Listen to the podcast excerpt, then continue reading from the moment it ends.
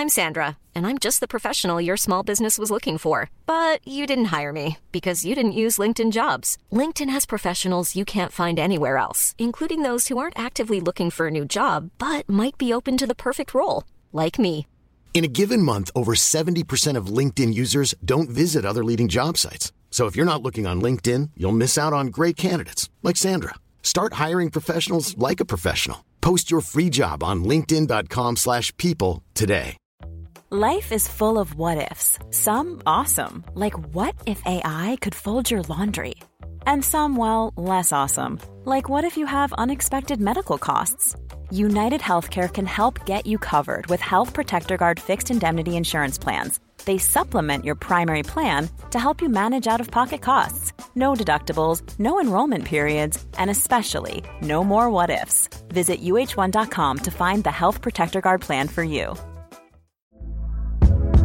Hey there, it's Michelle Norris. I'm host of a podcast called Your Mama's Kitchen. When I travel, I'm usually looking for a way to find a taste of home when I'm not at home. And one of the things I love to do when I am at home is entertain. And Airbnb allows me to do that. When I was in California recently, I rented a house that had a great kitchen. And when we were sitting around the table, we're all thinking, we're in someone else's house. Someone could be in all of our homes as well. If you have a home, but you're not always at home, you have an Airbnb. Your home might be worth more than you think. Find out how much at airbnb.com/slash host.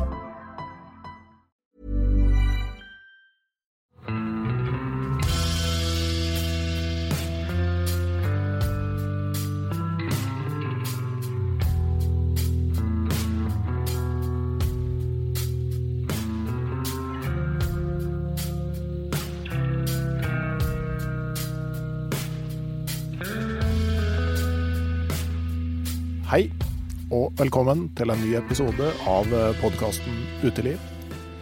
Mitt navn er Randulf Valle, og dagens tema er noe veldig viktig turmat.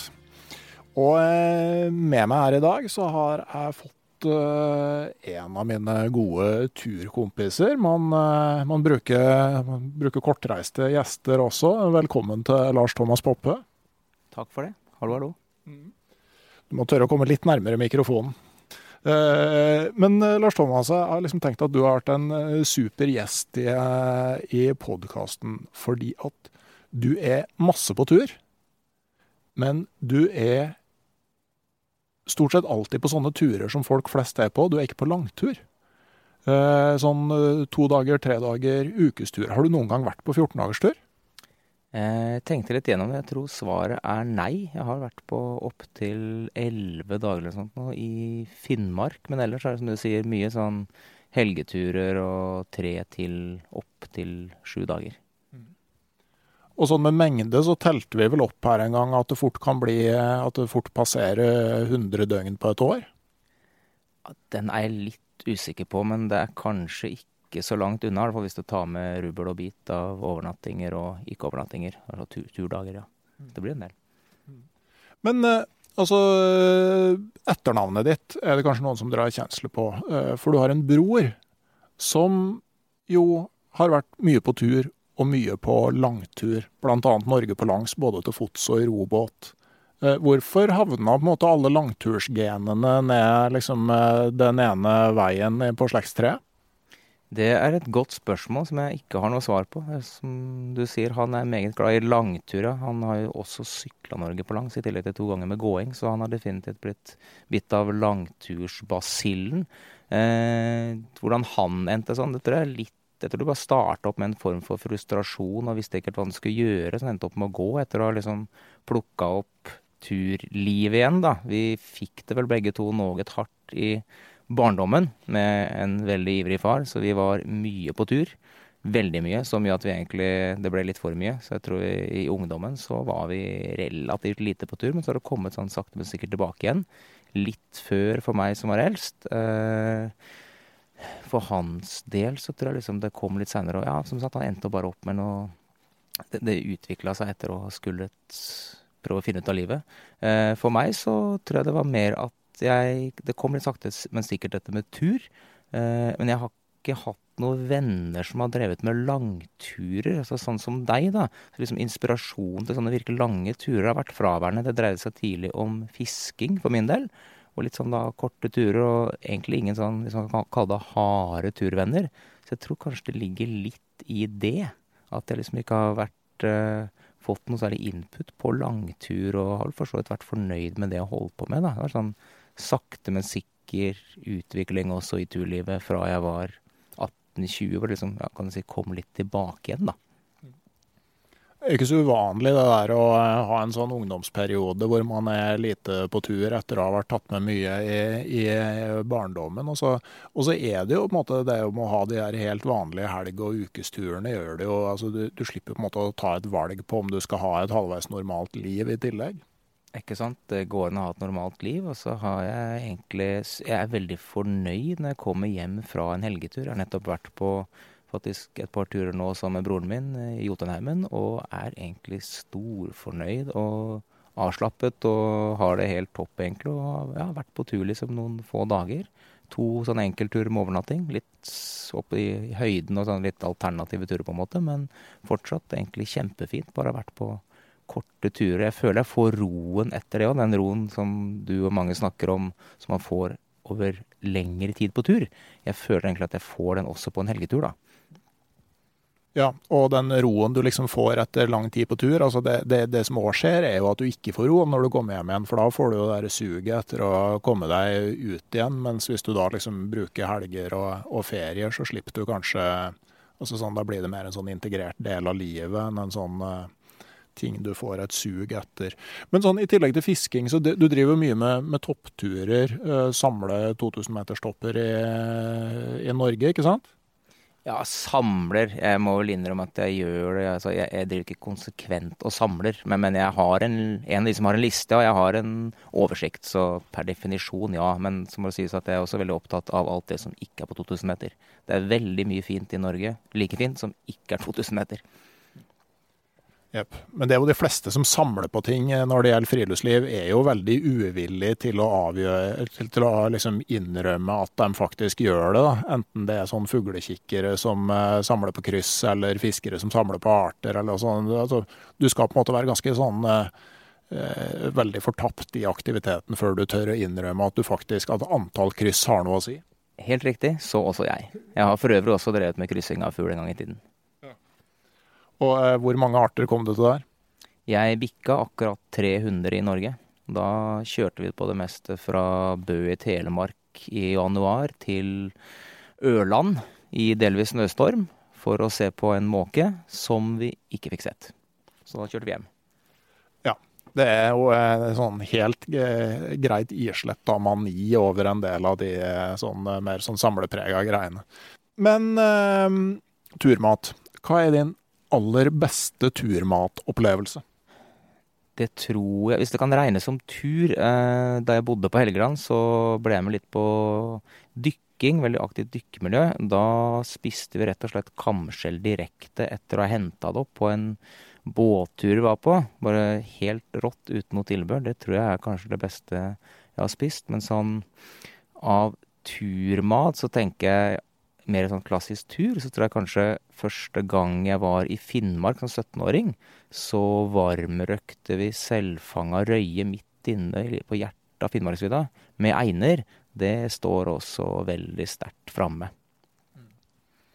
For min del så er det tilsvarende med laks. da, altså eh, sånn Delvis grilla, delvis uh, røkt uh, ved bålet. Det står veldig høyt. Men det som henger aller, aller høyest, det er ei skål med havregryn, vann, tørrmelk og brunsukker. Imponerende. Jeg vet du er glad i det, men at det er favoritten, det var noe overraskende. Jeg tror det hadde mye, mye med situasjonen å gjøre. Det, det var en, en, dag jeg drev og snubla rundt øst for Store Slavesjø i eh, snø og sludd i september, og ikke hadde med primus. Og jeg hadde krypet i soveposen og innså at i dag orker jeg ikke bry meg om sånne bjørneregler.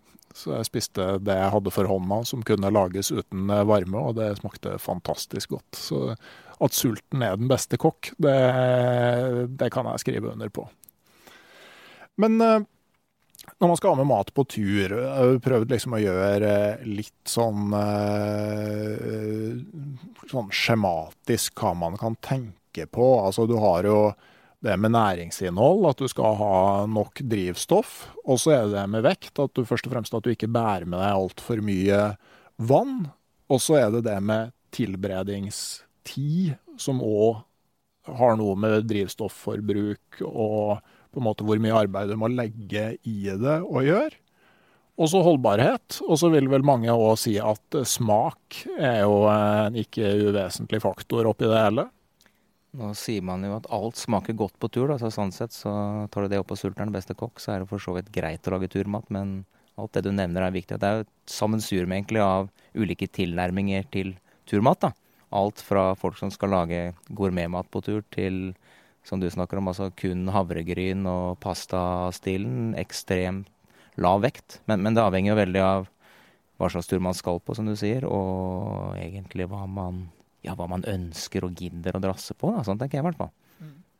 Ja, for jeg tenker at uh, hvilke av de faktorene her som er viktige Det, er sånn, altså det varierer jo veldig med tur. Eh, altså Hvis du skal eh, på liksom 30 dagers skiekspedisjon, så er jo på en måte vekt og tilberedning fryktelig viktig. Men skal du på en helgetur, så kan du jo ta et valg om at den gangen her så, så, er det smak og liksom, liksom, lage en opplevelse av å lage mat nå. For at av og til så er det bare hyggelig å lage mat, andre ganger så har du lyst til at det bare skal gå fort. Det er jo en del av det fine, syns jeg, da, med å dra på litt kortere turer. At da kan du rett og slett tillate deg å ta med litt bedre mat som du bruker mer tid på å forberede. Altså bedre råvarer. Det, og det liker jeg veldig godt, da, å bruke litt tid på å lage god mat på tur. Så jeg tenker sånn, da får jeg heller trene litt mer i forkant, gå med tung sekk. For jeg syns det er verdt å bære litt tungt da på visse turer for å kunne lage ordentlig god mat. Men så har man jo igjen, som du sier, skal du på et eller annet veldig krevende, enten ekspedisjon eller sånn Jeg holder litt på med til å overnatte veldig høyt oppe. Sånn vi overnatta høyt oppe i Jotunheimen i uka som var, og da er det selvfølgelig knallhardt på havregryn og til frokost. Real turmat som er jazza opp litt til middag. Og så har vi med liksom en halv desiliter whisky, sånn, sånn såkalt kos, da, til kvelden. Men da, da, er det veldig strengt, for da betyr jo hvert gram noe. Hvis ikke så du går deg jo forderva, rett og slett. Men eh, vi kan jo eh, etter hvert prøve å gå gjennom måltidene. Men jeg tenker jo sånn med, med utstyr òg til, til tilberedning, så er jo eh, Altså, stort sett nå så har man jo med seg en primus eller en, en gassbrenner. Uh, og noen kjeler. Altså, hva, hva, tenker du der til når du skal lage litt mat? Sommerstid så er jo gassbrenneren utrolig enkel å bruke og lett å justere. Veldig bra. Den og en god kjele, da kommer man jo veldig langt. En lett gassbrenner. Nå har det kommet ja, veldig fine, lettregulerbare. Så har man jo det helt ekstreme ned på sånn type pocket rocket og sånne enda lettere versjoner som jeg lurer på om du og han Nergård Pettersen snakket om via Biltema, som veier liksom ned i 70-80 gram. Men, men, de egner seg ikke godt for å lage mat. Da. Det er mer sånn for å koke vann. Det, og så kan jeg også nevne den klassiske jetboilen, som er faktisk et fantastisk produkt hvis man bare skal type gå lange turer og bare varme mat underveis. da, Type real eller et eller annet suppemessig. Bare ha den der jetboilen er veldig praktisk og hendig. Men, men skal jeg på jeg, jeg, liker å ha med en god uh, gassbrenner, og så kjeler på ja, minimum halvannen liter, liksom. Er man mer enn to personer, så blir én liter veldig lite, og det blir mye søl. Men uh, en kjele type halvannen liter, og en kanskje på to-tre, sånn at du kan lage en til hovedrett, og så en til tilbehør. Uh, stekepannen er jo bra å ha. Man kan selvfølgelig kjøre Lars Monsen-stilen og kun ta med én kaffekjele, hvor du koker vann, kaffe, koker, steker fisk. Absolutt alt. Men jeg syns det er greit å ha med litt sånn utstyr. Men man kommer jo langt med lite der òg. Men det som jeg, jeg synes i hvert fall sånn, eh, det å ha en kjele med litt størrelse på, og gjerne med hank på, sånn at uh, det er enklere å håndtere. Det står stødigere på brenner, og det står stødigere på bål, og du slipper at det blir så forferdelig fullt. Sånn at og blir det fullt, så blir det vanskelig å røre, og blir det vanskelig å røre, så svir ting seg. Yes, stor gryte. Det lærte jeg vel strengt tatt av deg for en del år siden, og det har jeg tatt til meg. Syns det er helt fantastisk. Det en god treliters liksom, på sommerstid, lage en god gryte. Og vinterstid kanskje helt opp i fem liter. Både for å koke vann, som det blir mye av, og også der å kunne lage mat på bål. Da kan du jo kjøre litt mer sånn slow food-konsept, hvis du har sant, de rette forholdene ute og du har nok ved og tid. Da kan du jo la gryta putre og gå, og det er helt opp. Du bruker ikke noe mye brennstoff. Nei, det er et poeng. altså Bare på vinterstid, i hvert fall på litt lengre turer, så liker jeg å holde snøsmeltekjelen rein. For det er veldig godt med carne. Men det er ikke så godt at alt du lager resten av turen eh, av vann, smaker svidd carne. Det er jo et uh, godt poeng, og det blir jo ofte litt svidd når man kjører ting på bål. Det har jeg erfart noen ganger. Men uh, hvis vi går tilbake til, til starten av dagen. Uh, hva er den turfrokosten du oftest bruker? Det blir typisk eh, havregryn, men som jeg har da laget ferdig poser på forhånd med litt tilbehør. Altså bare vanlig havregryn. Jeg syns jo det er egentlig ganske kjedelig å spise. Men det er veldig praktisk på tur. Jeg går langt på det. Eh, så jeg tar og jazzer opp til litt med tranebær og eller rosin. Litt sukker. Man kan ha oppi kanel. Så jeg har prøvd et par ganger hvis man skal gå ordentlig langt og hardt. Så har jeg hatt oppi litt matolje bare for å få i meg nok fett. Det er litt variert hvor langt folk går, har inntrykk av. På Jeg vet han omtalte broren min, han liker ikke havregryn, for han syns det varer veldig kort. Jeg syns jeg går lenge på det. Eh, men liksom man kan gjøre litt sånn tilpasninger for å få det i hvert fall litt bedre, da. Kan ha med mye rart. Men uh, koker du til grøt, eller spiser du det som frokostblanding? Jeg spiser det ofte som frokostblanding, men på vinteren så liker jeg å koke grøt ut av det. Uh, så har jeg i tillegg, i hvert fall sånn sommerstid, så pleier jeg å ha et par knekkebrød, for jeg syns det er litt lite, hvis du skal gå mye. Syns det er litt lite bare med havregryn, selv om jeg tar oppi fort sikkert 2-2,5 dl pluss da tilbehøret, så prøver jeg å få til et, enten en skive eller to, eller da knekkebrød, da, som er litt lettere. Med kaviar eller et eller annet. Ja, for at, eh, Min erfaring med, med, havregrøt er at hvis den skal lages sånn at den ikke blir sånn helt kompakt og kittaktig, så må du ha ganske mye vann oppi, og da blir det vanskelig å spise nok til at det holder skikkelig lenge. At jeg har gått mer og mer over på frokostblanding. At jeg kjøper eh, gjerne en litt sånn enkel, sånn firkorn eller noe sånt, og så en som det smaker mer av. Og blande det omtrent 50-50. 100 gram av hver, så det blir 200 gram til sammen. Og så tørrmelk og litt sukker oppi det. Og jeg tenker at da, da, får jeg meg rett og slett mer korn enn jeg ville klart om jeg lagde havregrøt. Og så holder jeg lenger utover dagen før jeg blir sulten igjen. Det høres jo litt mer spennende ut også, de der havregrynene. Jeg har jo noen forferdelige minner fra sånne ordentlig lange dager i Jotunheimen med da, ja, samling av 2000 meter, hvor du presser i deg alt du hæler av havregryn og vann klokka fem om morgenen og skal ut og gå det er ikke moro. Nei, men Hvis du koker havregrøt, da, så er jo et sånn sikkert triks for at den skal være mer morsom å spise, er jo å bryte opp melkesjokolade oppå. Det er jo fantastisk godt med havregrøt med melkesjokolade på. Det har jeg faktisk prøvd en gang, eh, og det var kjempegodt. Men jeg skulle ønske jeg hadde visst det de gangene jeg skulle på sånne ordentlig lange hardturer i høyden. For da hadde jeg kanskje klart å få i meg litt mer enn den forbanna havregrøten. Nei, for da, Bengt og jeg gikk gjennom Nordvestpassasjen, så var det liksom det der med å få eh, stadig mer energi i seg en greie. Så da hadde vi jo matolje oppi, og eh, lurer på om vi kom til mellom 50 og 100 gram sjokolade på, eh, på grøten om morgenen. Og da, du, kan, du kan få opp liksom kaloriinnholdet ganske brutalt i havregrøten med, og nøtter òg gir jo ganske mye ekstra energi. Nøtter er veldig fint å ha med. Det bruker jeg litt for lite av, egentlig. Men det er kjempefint, som du sier. Energirikt og smaker godt. Men 50-100 gram sjokolade hver dag, det høres uh, særdeles heftig ut. Eh, ikke hver dag. Til frokost. Eh, det var i tillegg til all den andre sjokoladen. Det, på slutten av den turen så spiste vi sju Snickers King Size hver eh, som mellommåltid. Eh, sånn innimellom de andre måltidene. Så den de 50-100 gram av frokosten var bare en bitte liten del av helheten.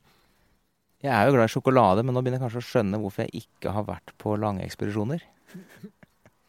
Nei, men det, det, det, er bare liksom å venne seg til. Um, jeg kan kort nevne at uh, jeg har starta en Patrion-site for podkasten Uteliv. Noen av dere vet kanskje hva det er for noe. For dere som ikke vet hva det er for noe, så er det en frivillig abonnementstjeneste. Hvor du kan uh, registrere deg for å, å velge å støtte podkasten Uteliv med et fast månedlig beløp. Eh, de som gjør det her, kommer til å få tilgang til litt sånn ekstra stoff eh, den gangen her. Bl.a. en artikkel om eh, havregrøten med forskjellige sånn mer eller mindre turbolada versjoner og oversikt over hva det her genererer av kalorier, da. Så det går det an å sjekke ut. Dere finner link i episodeinfoen. Men på kortere turer òg. Altså, man trenger jo ikke å gå på frokostblanding. Det er ikke noe i veien for å spise brødskive til frokost på tur heller. Jeg syns brødskive med leverpostei og med ost, det er helt topp, rett og slett. Kan man også ta og tune opp de litt, ha med noe agurk, sylteagurk, tomat, sånne ting. Det er kjempebra, og man går nå relativt langt på det, syns jeg. Ja, og jeg tenker også, altså sånn, det, det, er jo på en måte ingen vits å stappe seg med bare godteri på en uh, helgetur. altså Du kan spise sånn relativt normalt og uh, sunt uh, kosthold. og jeg merka det spesielt etter at jeg fikk unger at altså, nå jeg, kan jeg ha med gulrot og paprika på tur. Liksom, bare for å opprettholde den greia der. Ikke dumt. Men uh, sånn sett så er jo frokosten relativt grei. da, for at altså sånn Sjøl på sånn relativt korte langturer uh, så kommer man jo fort over på, på, det med frokostblanding og havregrøt. Altså, Noen bruker risgrøt. Uh, der blir det enda mer vann i forhold til, til gryna. Så den, jeg syns denne kan være fin på en hviledag hvor du har god tid, for det fyller jo magen godt. Men, men jeg syns liksom risgrøt, der går du plutselig tom hvis du har spist det til frokost. Det er sikkert bra som variasjon, ja. Jeg har lite erfaring med det selv, rett og slett. Det smaker jo godt, da. Eh, men så er det jo noe som har blitt et problem nå, er jo å få tak i tørrmelk. Eh, for de store matvarekjedene har jo faktisk slutta med å føre det. Eh, jeg har lett litt rundt omkring. Altså På Lillehammer så fant jeg det på en sånn der sånn frittstående matbutikk typisk eh, med litt sånn eksotiske matvarer og sånne ting. Også og så har jeg funnet en eh, sånn nettbutikk for kontorutstyr, som selger da skummamelk som egentlig er ment for kaffemaskiner. Som du kan kjøpe i halvkilosposer. Så det, det er liksom min løsning på det som etter hvert har blitt et problem sterkt at du klarte å finne fram til det, faktisk. Det, det er imponerende. Eh, ellers hørt at eh, ja, innvandrerbutikker er jo et eh, sikkerstikk for sånne ting. Der er det ja, eksotiske varer. Der skal det være greit å få tak i. Og så vet jeg også at i Sverige, eh, i hvert fall nå når etter hvert når koronaen begynner å roe seg og det blir grønt der man kan reise, så kan man dra på harryhandel, og det er visstnok ganske enkelt å få tak i tørrmelk i Sverige. Så da kan du kjøpe både Red Bull og eh, tørrmelk, altså. Sammen med snus og bacon. Men bacon er jo Det er godt på tur, men for så vidt litt tungt, da. Jepp. Uh, men videre til lunsjen. og Der er jo på en måte en sånn vesensforskjell uh, om du har tenkt å ha uh, lunsjpause hvor du liksom skal sitte ned og lage mat, eller om du bare skal kjapt få i deg noe før du eh, drar videre. Altså, hva er det du bruker? Eh, det varierer veldig. altså Har man god tid på seg, så er det jo godt å sette seg ned liksom, og lage en god lunsj, da, hvis det er vær og forhold og tid til det. Da kan man jo ha altså Brødskiver er jo fortsatt veldig godt til lunsj, det spiser jeg mye av. Uh, man kan lage ferdig omelett, f.eks. Det er jeg veldig glad i. Uh, lunsj kan jo også være faktisk, man har god tid, uh, lage sånn som pannekaker. Kanskje mellomting av lunsj og middag. Men, men ta f.eks. sånn vintertur. Da. Det er jo ofte litt mer sånn hustrig vær, så da vil man kanskje spise litt mer sånn on the go hvis du ikke skal sette opp et telt eller en bivak. Altså, Du har den klassisk real turmat duger godt til det, da, hvis man skal liksom sette seg en liten stund og fyre opp noe. Men ellers så er det jo kanskje ja, å ha med en form for matpakke, eller du kan ha kanskje suppe på termos, som er du, du, har kanskje hatt en, lager en tomatsuppe hvor du har oppi kjøttboller og kanskje grønnsaker, eventuelt for at du kan ha pølser på termos som kan duge da, sånn på vinterstid. Da er man over på litt vekt igjen, men alt avhengig av hva du vil, liksom. Så det er litt forskjellige ting. På, på lengre turer syns jeg det er greit å ha eh, liksom, noe type sånn brødaktig knekkebrød, f.eks. For, eksempel, for at, uh, da får i hvert fall magen noe som er litt sånn kjent å jobbe med. For den skal jo være litt sånn forsiktig med å bytte ut hele den vanlige dietten sin når den uh, stikker ut på tur. Altså det, det, er ikke for alle at magen reagerer så positivt på det. Nei, jeg har egentlig aldri problemer med turmage, så jeg kan spise hva som helst. Men du har helt rett i det.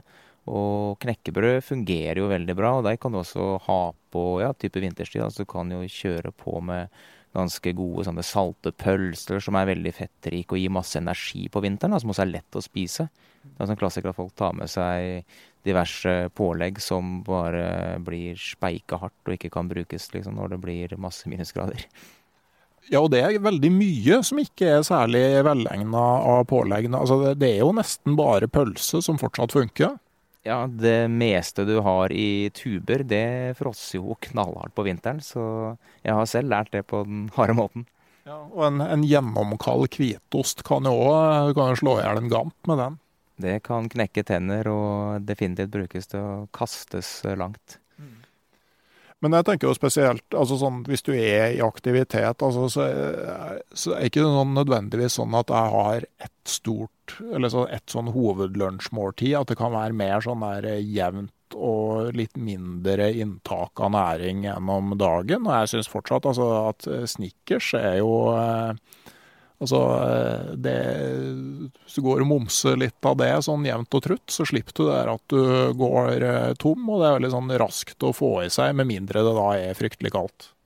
Ja, altså En Snickers eller en nøttepose fungerer jo kjempebra. Jeg glemmer jo ofte å spise lunsj, så type fisketur. Det blir jo en frokost, og så står man jo på hele dagen, og vips, så var det liksom litt for sent at det skulle bli noe ordentlig lunsj. og så blir det middag i stedet. Men da, som du sier, å, å ha et eller annet som lett tilgjengelig, Snickers eller nøtter, ja, noe sånn enkelt, det fungerer jo faktisk eh, veldig godt. Med mindre du da skal bevege deg mye og hardt, da, da, da, bør man jo fylle på på et eller annet vis. Uh, vi hadde et eksperiment en gang på en sånn kanskje ti dagers tur i svensk Lappland med å ha stort sett marsipan til lunsj. Det, det, anbefales ikke. Det, det, var godt den første dagen og greit den andre, og så gikk det bare tråder og tråder å få i seg den kladden der utover i, i, uka. Har du gått på noen sånne smeller som det der? Nei, faktisk ikke. Eh, men der kommer det inn at jeg ikke går på så mye lange turer. Så jeg slipper unna det der. Eh, jeg bruker jo marsipan selv av og til på skikkelig harde turer, for det er noe av det mest energitette du har. Så hvis man skal holde på med sånne reid i fjellheimen over et par dager, og liksom ha med da marsipan i stedet for sjokolade. Da tenker du liksom vekt- og energiratio, da, da er marsipanen meget god å ha. Det det er ikke ofte jeg gjør det, men jeg har gjort det, og det fungerer godt, altså. Men jeg kan godt se for meg at det blir eh, krevende over mer enn et par-tre dager. Et annet sånn eh, triks da, som eh, med veldig mye kalorier, liksom bare fett og sukker, det er jo de fyrstekakepakkene med seks sånne kvadratiske biter oppi. Det, jo, eh, det går du ei stund på. Det går man lenge på, og ulike varianter av kake. Var det ikke kona til Erling Kagge som fant opp den suksessterta, som jeg vet er veldig populær hos polfarerne? Den har jeg prøvd selv på tur. Så hvis man kjenner noen, eller har noen som er flinke til å bake, så er jo det genialt også å bruke. Det er både energirikt, og det er jo kjempegodt. En eller annen form for kake. Så, sånn jeg husker den historien, så er det at da Erling Kagge og Børge Ausland gikk til Nordpolen den første gangen, så, så var de jo konstant sultne. Og så var det sånn litt uti turen så sier Erling Kagge at du, Børge, liker du sånn kake med nøttebunn og eggekrem? Og det førte til at uh, Børge Ausland ikke fikk den kaka ut av hodet på resten av turen.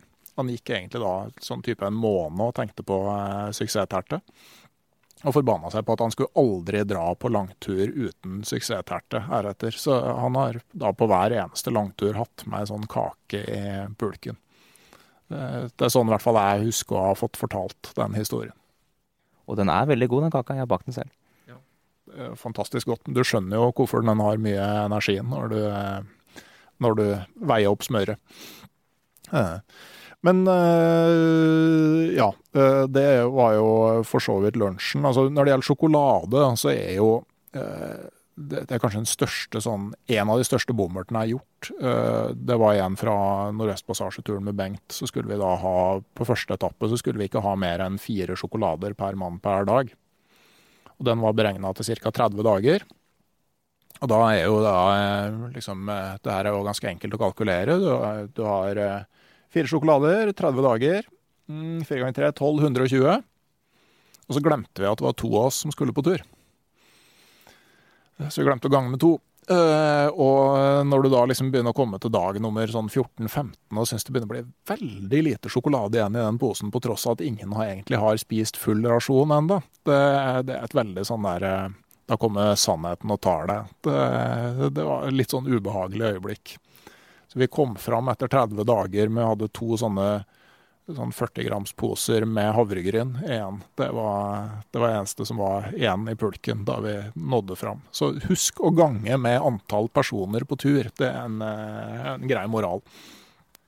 Jeg vil heller si at det var meget god beregning da, når det er alt du har igjen. Men jeg ser kanskje for meg at det var en viss anspent stemning i det du oppdaget at uh, hvordan beregningene var uh, gjennomført. Og ja, det verste var at Bengt hadde gjort akkurat det samme da han kryssa Alaska eh, et par-tre år tidligere. Vi snakka om liksom, jeg tenkt om vi hadde gjort det. Så, eh, men eh, iskald beregning, altså, det var jo mer sånn at du måtte dele det du hadde på de dagene du hadde igjen. Så, og, sånn at det men eh, det, det, det, var, det, var, veldig godt å spise Eller vi, vi, fikk faktisk aldri spist middag den kvelden vi kom inn til Cambridge Bay, for at vi gikk så til de grader amok på eh, matbutikken at vi hadde forspist oss begge to eh, da det var tid for middag. Det, var eh, sånn sandwich med med smør, eh, majones, eh, ost og skinke, som gikk ned på, eh, på høykant etter den, eh, etter den etappa der.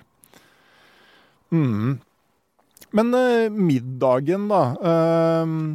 Bruker du mye sånn ferdig Altså sånn type real turmat eller andre varianter? Så lite som mulig, egentlig, men det blir en del. Det er pga. turens beskaffenhet. Går jeg på type lange dager Det blir en del sånne lange dager fortsatt. Vi holder nå på i høyden og styrer og ordner. Og da er jo den realen fin, for den er lett og passe energirik og relativt enkel å tilberede.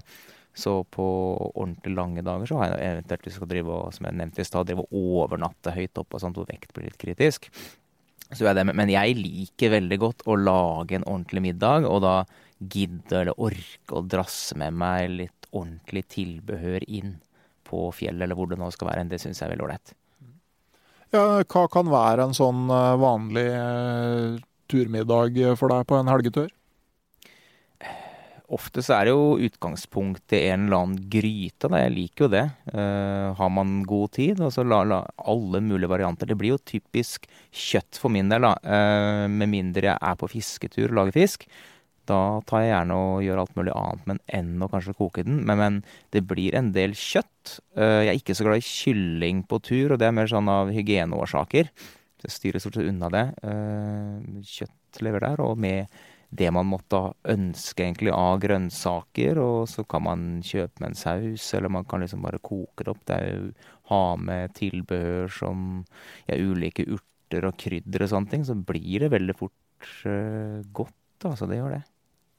Altså litt sånn eh, altså bare kokes, eller altså brune litt kjøtt og kokes. Bruner du kjøttdeigen på forhånd, forresten? Jeg pleier å brune kjøttdeig på forhånd hjemme, ja. Da får du litt lavere vekt, faktisk. Og så er det veldig sånn Det er mye enklere når du da å bare kunne helle det oppi framfor å skulle steke opp det først og bruke masse tid på det. Men eh, et fint tips det er jo å prøve å dra på tur med, eller be med jegere på tur, for de har jo nesten alltid veldig bra kjøtt liggende i fryseren. Så jeg var på tur nylig. Da lagde jeg jo en ganske god pastarett, da med rådyrkjøttdeig. Absolutt anbefale. Og så er det jo sånn, altså, det her er jo ting som krever en del eh, brensel. Altså når du skal eh, gjerne frese og steike ting, og så eh, kanskje det skal koke en stund etterpå. Men og på kortere turer så er jo det greit. Også på lengre turer så kan man jo ha med noen middager som er enkle og raske og krever lite tid og brennstoff, og andre som krever mer. Og så tar du de liksom, mest kompliserte middagene når du har tilgang til bålved. Og så tar du de andre når, når det fossregner og du må bruke brennstoffbeholdninga. Det er jo en veldig fin eh, måte å gjøre det på. Pannekake nå, så tar du typisk på bål og ikke på primus. For er det noe som virkelig suger drivstoff, så er det å steike pannekaker. Gjerne også ute. Vi skulle på tur en gang i Sydlandet, og da var det bestemt at frokosten skulle tas etter at vi hadde starta. Eh, og gått litt. Og da var det utendørs, og det var litt vind. Og jeg, jeg tror det gikk over to timer bare på frokosten. Det var veldig godt, da, men det medførte jo voldsomt stress for å komme seg ned igjen fra Storskylden i dagslys i slutten av september. Hva gjør man ikke for pannekakene? Og blant annet Ingstad som skriver veldig godt om det der med pannekakenes eh, betydning i Arktis. Da, at eh, Kokken kunne være sur og tverr, men det eneste han egentlig blir bedømt etter, er the hot cakes, da, som er de tjukke pannekakene. Og Da har jo Adolf Lindstrøm, polarkokken som eh, var med som eh, var med Sverdrup, og som var med Amundsen. Eh, og som hadde lagd noen fantastiske sånn tjukke pannekaker, hot cakes, som ble kalt hot kjekker. Og han tok faktisk med seg oppskriften på dem i grava. Helt fantastisk. Eh, hva den mannen fikk ut av det lille kjøkkenet på Fram, jeg har vært på, det er helt utrolig. De spiste altså så godt. Jeg har vært så heldig å få spise middag en gang på dekket til Fram. Eh, og da fikk vi servert en av disse femretterne som han lagde, og det var helt fantastisk. Ja, det er en, eh, en polarhelt som det er verdt å, verdt å eh, huske på. Eh, men det er jo litt artig når vi snakker på Amundsen, da. Altså hvor enkelt de gjorde matstellet til Sydpolen. Nå tar jeg fra, fra hukommelsen her, men så vidt jeg husker så hadde de bare med seg fire ingredienser på sleden. De hadde pemmikan, som er sånn pressa blokk stykker av tørka fett og kjøtt med litt erter og sånn inni. Og så hadde de kjeks. Og så hadde de tørrmelk. Og så hadde de sjokolade. Tror du du hadde blitt lei av maten på den turen? Helt sikkert, men nå er jo de gutta der De var laget av et helt annet materiale enn det jeg og jeg tror de fleste andre også er, kanskje med noen få unntak. Så alt går vel. Ja, jeg vil jo kanskje tro at på den tida, altså, altså spesielt sånn fra av de som ikke tilhørte de høyere liksom, klasser i samfunnet, så, så, var du på en måte vant tatt mat ikke nødvendigvis Altså det var ikke noe som måtte smake bra, liksom. Altså så lenge du var mett, så, så, så var ting på stell rundt år 1900 i Norge, så tenker jeg de veldig mange, bortsett fra øvre klasse, var veldig godt fornøyd hvis de kunne gå mettet til sengs. Så det er noe med hva du er vant til, og kunne da få komme som Det var relativt mange folk fra fattige kår som var med på, eller deltakere på polekspedisjoner, og da å komme til disse menyene til Lindstrøm har vært helt fantastisk. Og da tenker jeg da klarer du nok å leve litt på pemmikan og kjeks til Sydpolen. Ja, Når du tenker på de fangstmennene som overvintra på Svalbard og på Grønland, og hva som i starten var ansett for å være en grei vinterrasjon Jeg har sett sånne utklipte annonser fra Tromsø-avisene med skjemt saltkjøtt til salgs. Passer bra for fangstmenn. Fantastisk. Jeg vet også at disse gutta til Shackleton som levde da i jeg husker ikke hvor lang tid under en opp båt snudd opp ned på den der Elephant Island mens Shackleton seilte etter hjelp. De levde vel bare av noe pingvinkjøtt, og det var svært lite av det de på en måte bare kunne skyte på den stranda der i uker og måneder. Ja.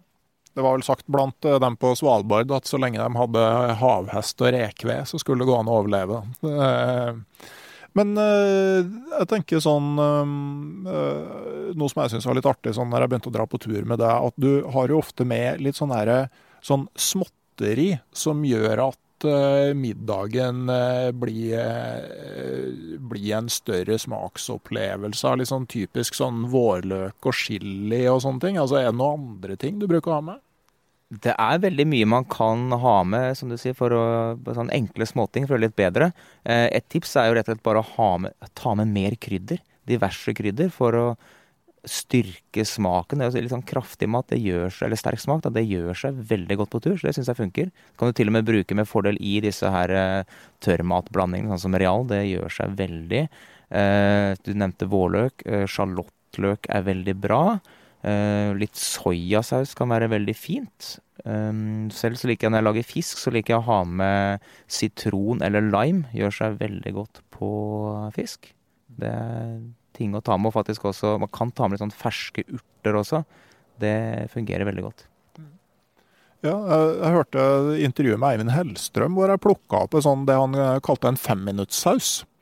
Som egentlig bare at du tar en klatt med smør og brune, og så har du i litt soyasaus, og så slipper oppi noe, enten litt persille eller vårløk eller noe urter eller noe sånt. Det, det lager jeg en del hjemme, sånn spesielt til hvitfisk. Men eh, det er jo sånn som er veldig enkelt å lage på tur òg. Altså en sånn smør- og soyabasert saus med litt grann oppi. og og altså vårløk som du deler opp, og kanskje litt soltørka tomat og sånn. Altså det blir jo litt mer farger, og du slipper at måte, alt ser ut som en sånn masse. Ja, den klassiske et eller annet, hvis de lever fortsatt. Eh, nei, det er veldig mye som kan gjøres med enkle grep. Da. Altså noen få gode råvarer som ikke nødvendigvis veier som gjelder. Det kan løfte en rett veldig på tur som hjemme. Ja, og jeg må innrømme at sånn vinterstid, altså en middagsrett jeg bruker ganske mye, er potetmos med en, en boks makrell i tomat oppi.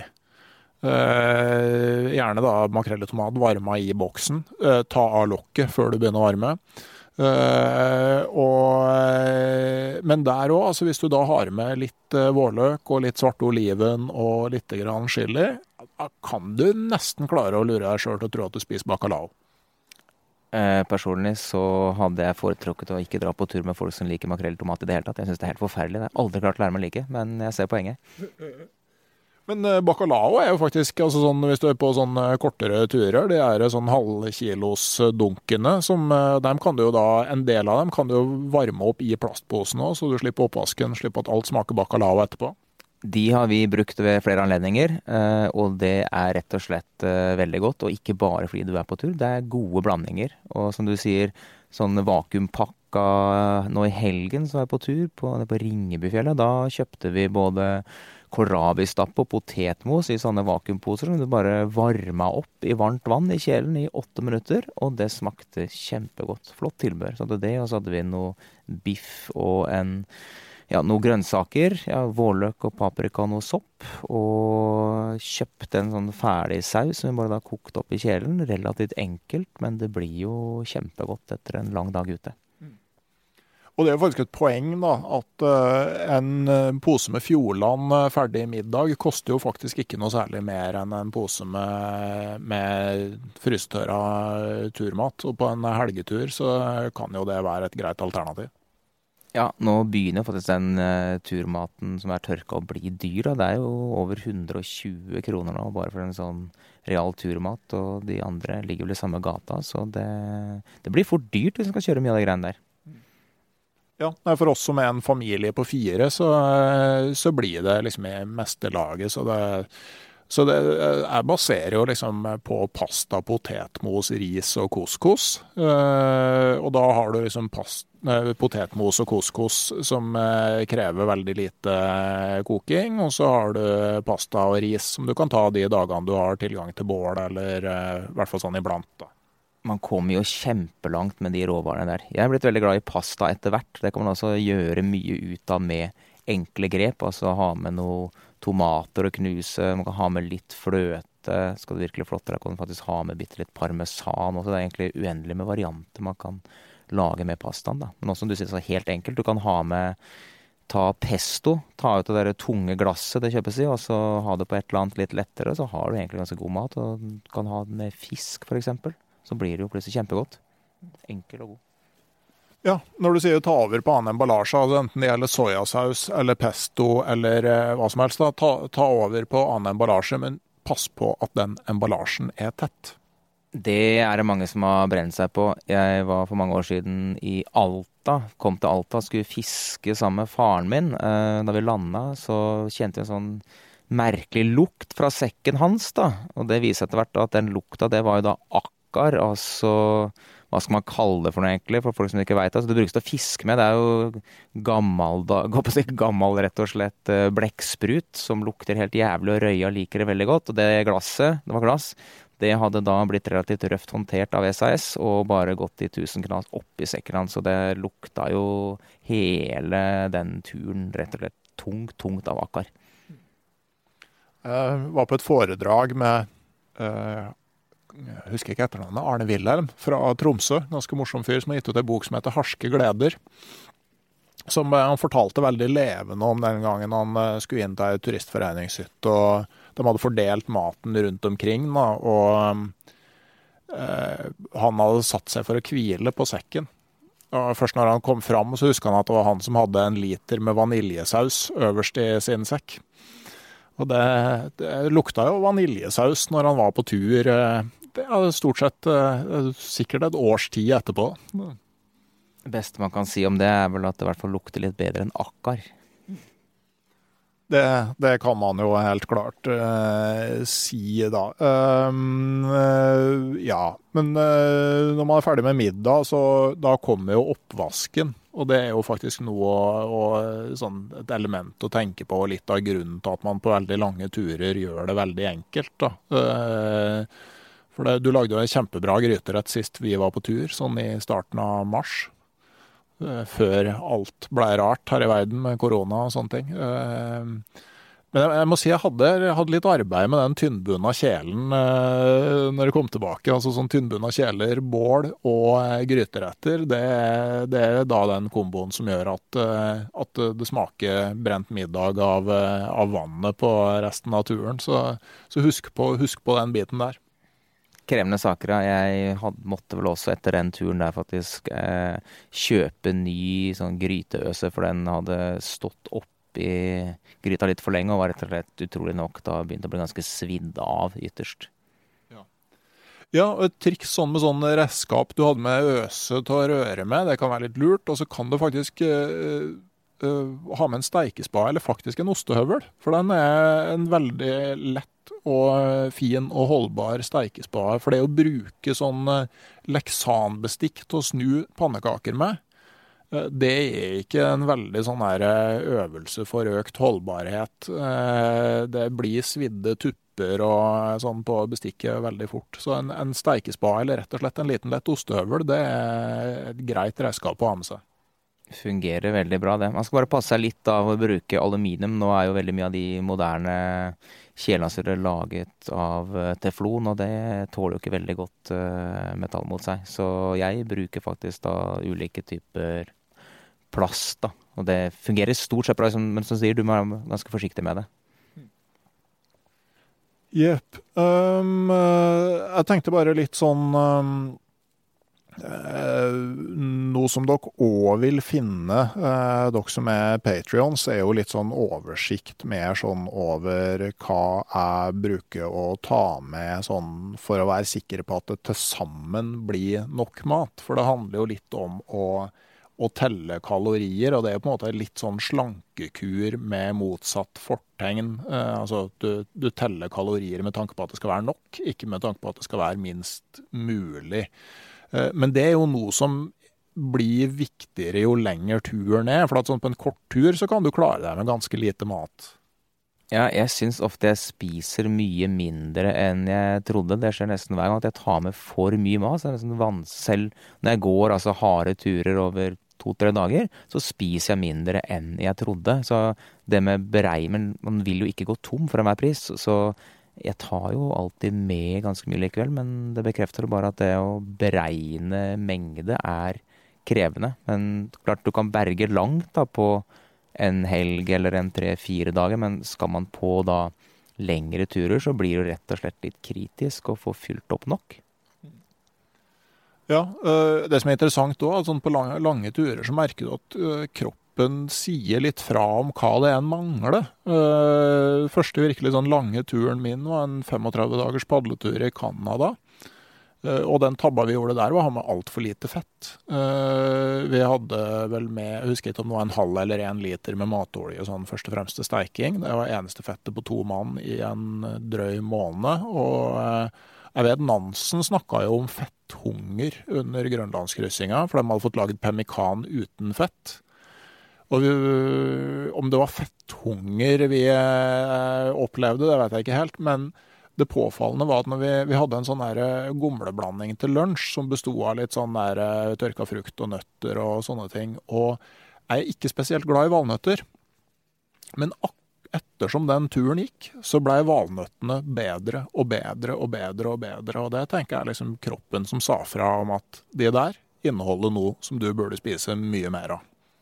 Kroppen er jo et fantastisk instrument. Det er vel også ganske mange historier om gravide som spiser alt mulig rart, fra avispapir til annet. Og da tenker jeg også at det er vel et behov da, som melder seg om at ting er i endring i kroppen. Og da gjør man det som må til for å få tak i mye av det næringsstoffet. Jeg tror absolutt det. Eh, og det er jo en sånn der greie med altså sånn, hvilke næringsstoffer du skal ha med på tur. Altså, jeg husker Lars Monsen har alltid sagt at du du har fettet på kroppen og uh, skaffer protein underveis og tar med deg karbohydratene. Uh, Børge Ausland, så vidt jeg husker, baserte 60% av menyen på fett. På de polturene. Så det er en ganske sånn forskjellig tilnærming til det hele. Men, men, det som er greia, er jo at ett gram fett inneholder med mye mer energi enn et gram karbohydrater. Det er vel nesten tre ganger så mye, tror jeg. Eh, sånn at eh, ved å ta med veldig mye fett på sånne turer, så får du mer energi per, eh, per vekt. Men du skal øve deg en del for å klare å spise en meny som består av 60% fett. Da.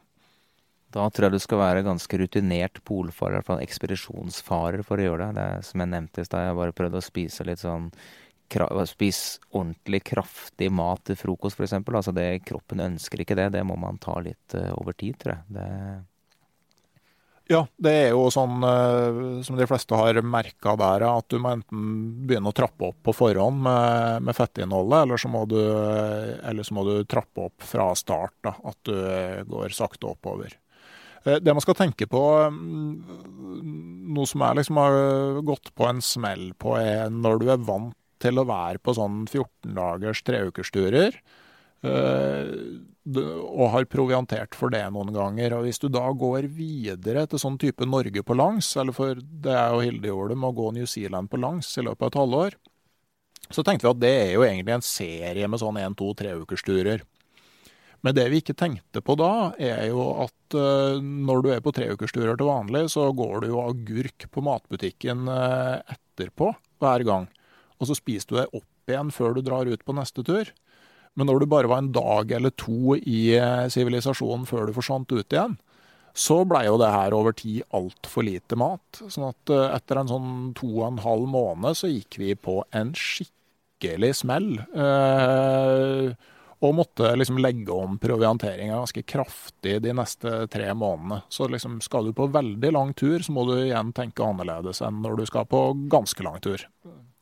Jeg vet jo at det igjen kan bare referere til ting jeg har sett. Uh, den ekspedisjonen som han Rune Gjelnes og Torry Larsen gjorde, de var vel de første som tror jeg gikk Nordpolen på vinteren, mener jeg, som den supported. Da var de ganske grundig undersøkt av Forsvaret i forkant og fulgt opp underveis medisinsk. Og, og de, før, altså de, var jo rett og slett smådvaske før de dro. De hadde spist opp så vanvittig. Og etter de før- og etterbildene der er jo helt drøye, enda de altså spiste og åt det de klarte. Det de var ikke i nærheten av å klare å eh, opprettholde kroppsvekta. Da. De, de brant så hinsides mye kalorier. Ja, det er jo Polarkryssinga du refererer til, tenker jeg. og og jeg vet, altså Jeg husker Bengt og jeg møtte jo Mike Horn eh, da vi gikk Nordvestpassasjen. Han var på vei jorda rundt langs polarsirkelen. Og han mener jeg klarte å spise 12 000 kilokalorier om dagen. Og det er altså da fire ganger en eh, arbeidsmanns eh, kaloribehov. Så kan du tenke deg liksom å line opp eh, Altså Hver gang du spiser et måltid, så skulle du spise det tre ganger til etterpå. Det, men han eh, gikk jo bl.a. på en sånn beinhard foie gras-diett med sånn uh, gåselever og sånn type ting. Da. Så det, men det, er, det begynner jo å bli sånn relativt uh, ekstremtilfeller, da. Jepp. Jeg tror vi begynner å nærme oss en slutt, Lars Thomas. Det var hyggelig å ha deg med her. Men jeg tenkte vi begynte jo med Vi begynte jo med beste turmatminnene? Altså, men eh, har du noen sånn tanke om hva som er det verste turmatminnet ditt? Det kommer jeg ikke på sånn veldig på spark, men jeg tipper det er et eller annet fra Forsvaret. En sånn type fastbør... Ja, det må være sånn såkalt dødmann på boks-aktivasjon, sånn RSP, som var satt rett altså aluminiumsboks med en sånn gudene veit hva det egentlig var for slags blanda kjøtt oppi der. Satt rett oppå den der knallharde Optimus-brenneren. Da svidd to centimeter i bånn og ganske kald oppå. Jeg tror Da er vi ganske nærme del i en eller annen sånn snurringversjon. Jeg tror, jeg tror vi er der. For min del så er liksom største skuffelsen eh, på en lang padletur hvor vi skulle ta siste runden med pannekaker. Der var på tundraen i Canada, og akkurat idet vi er ferdig, så kommer det et sånn helt infernalsk regnvær. Så bålet drukna, og det hadde spruta grus oppi pannekakefatet. Så det knaste når vi spiste dem eh, etterpå. Det var eh, det var liksom det skulle være en stor kveld på, i matveien, og så blei det egentlig bare en uh, nedtur, da. Gleden ved å være på tur. Mm. Ja, det er viktig. Og, uh, men, men, det er jo noe med det at uh, det gjelder å allerede da se at bare la det gå litt grann tid, så blir det her en ganske fin historie. Det blir en fin historie, rett og slett. Sterke minner. Og jo verre det er der og da, jo bedre blir historien seinere. Jepp. Uh, takk for at dere var med til enden den gangen uh, her òg. Eh, det er jo sånn at hvis du har lyst til å gi podkasten Uteliv et push i riktig retning, så kan du jo følge podkasten på sosiale medier. Dele episodene på sosiale medier eller i det virkelige liv med dine turkompiser. Og er du ekstra klar for å for å hjelpe til, så er det mulighet å bli en eh, Patrion. Sjekk gjerne ut det. Men eh, om du bare har lyst til å høre på og kose deg med det, så er det selvsagt også helt greit. Da sier vi eh, takk for oss i Trondheimskvelden, og så er vi tilbake med en ny episode av podkasten Uteliv og meg uken. Ha det bra!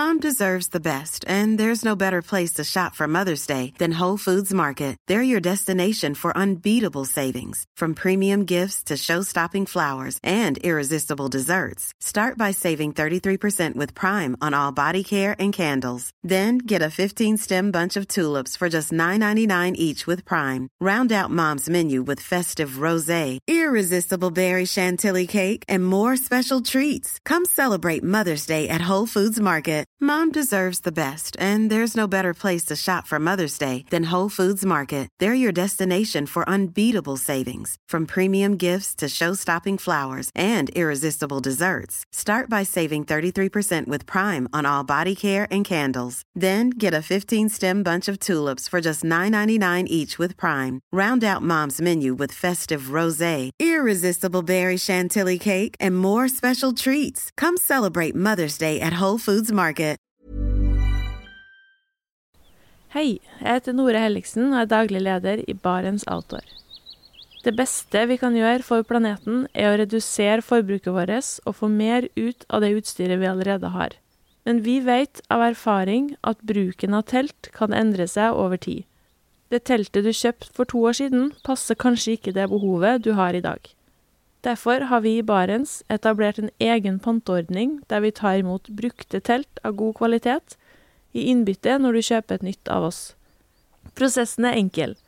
På barentsoutdoor.no gir du oss informasjon om teltet du vil bytte inn. Basert på det får du et tilbud fra oss som gir deg rabatt på ditt neste Barents-produkt. Mer info og betingelser finner du på barentsoutdoor.no. Og husk at den første reparasjonen på produkter fra Barents er alltid gratis.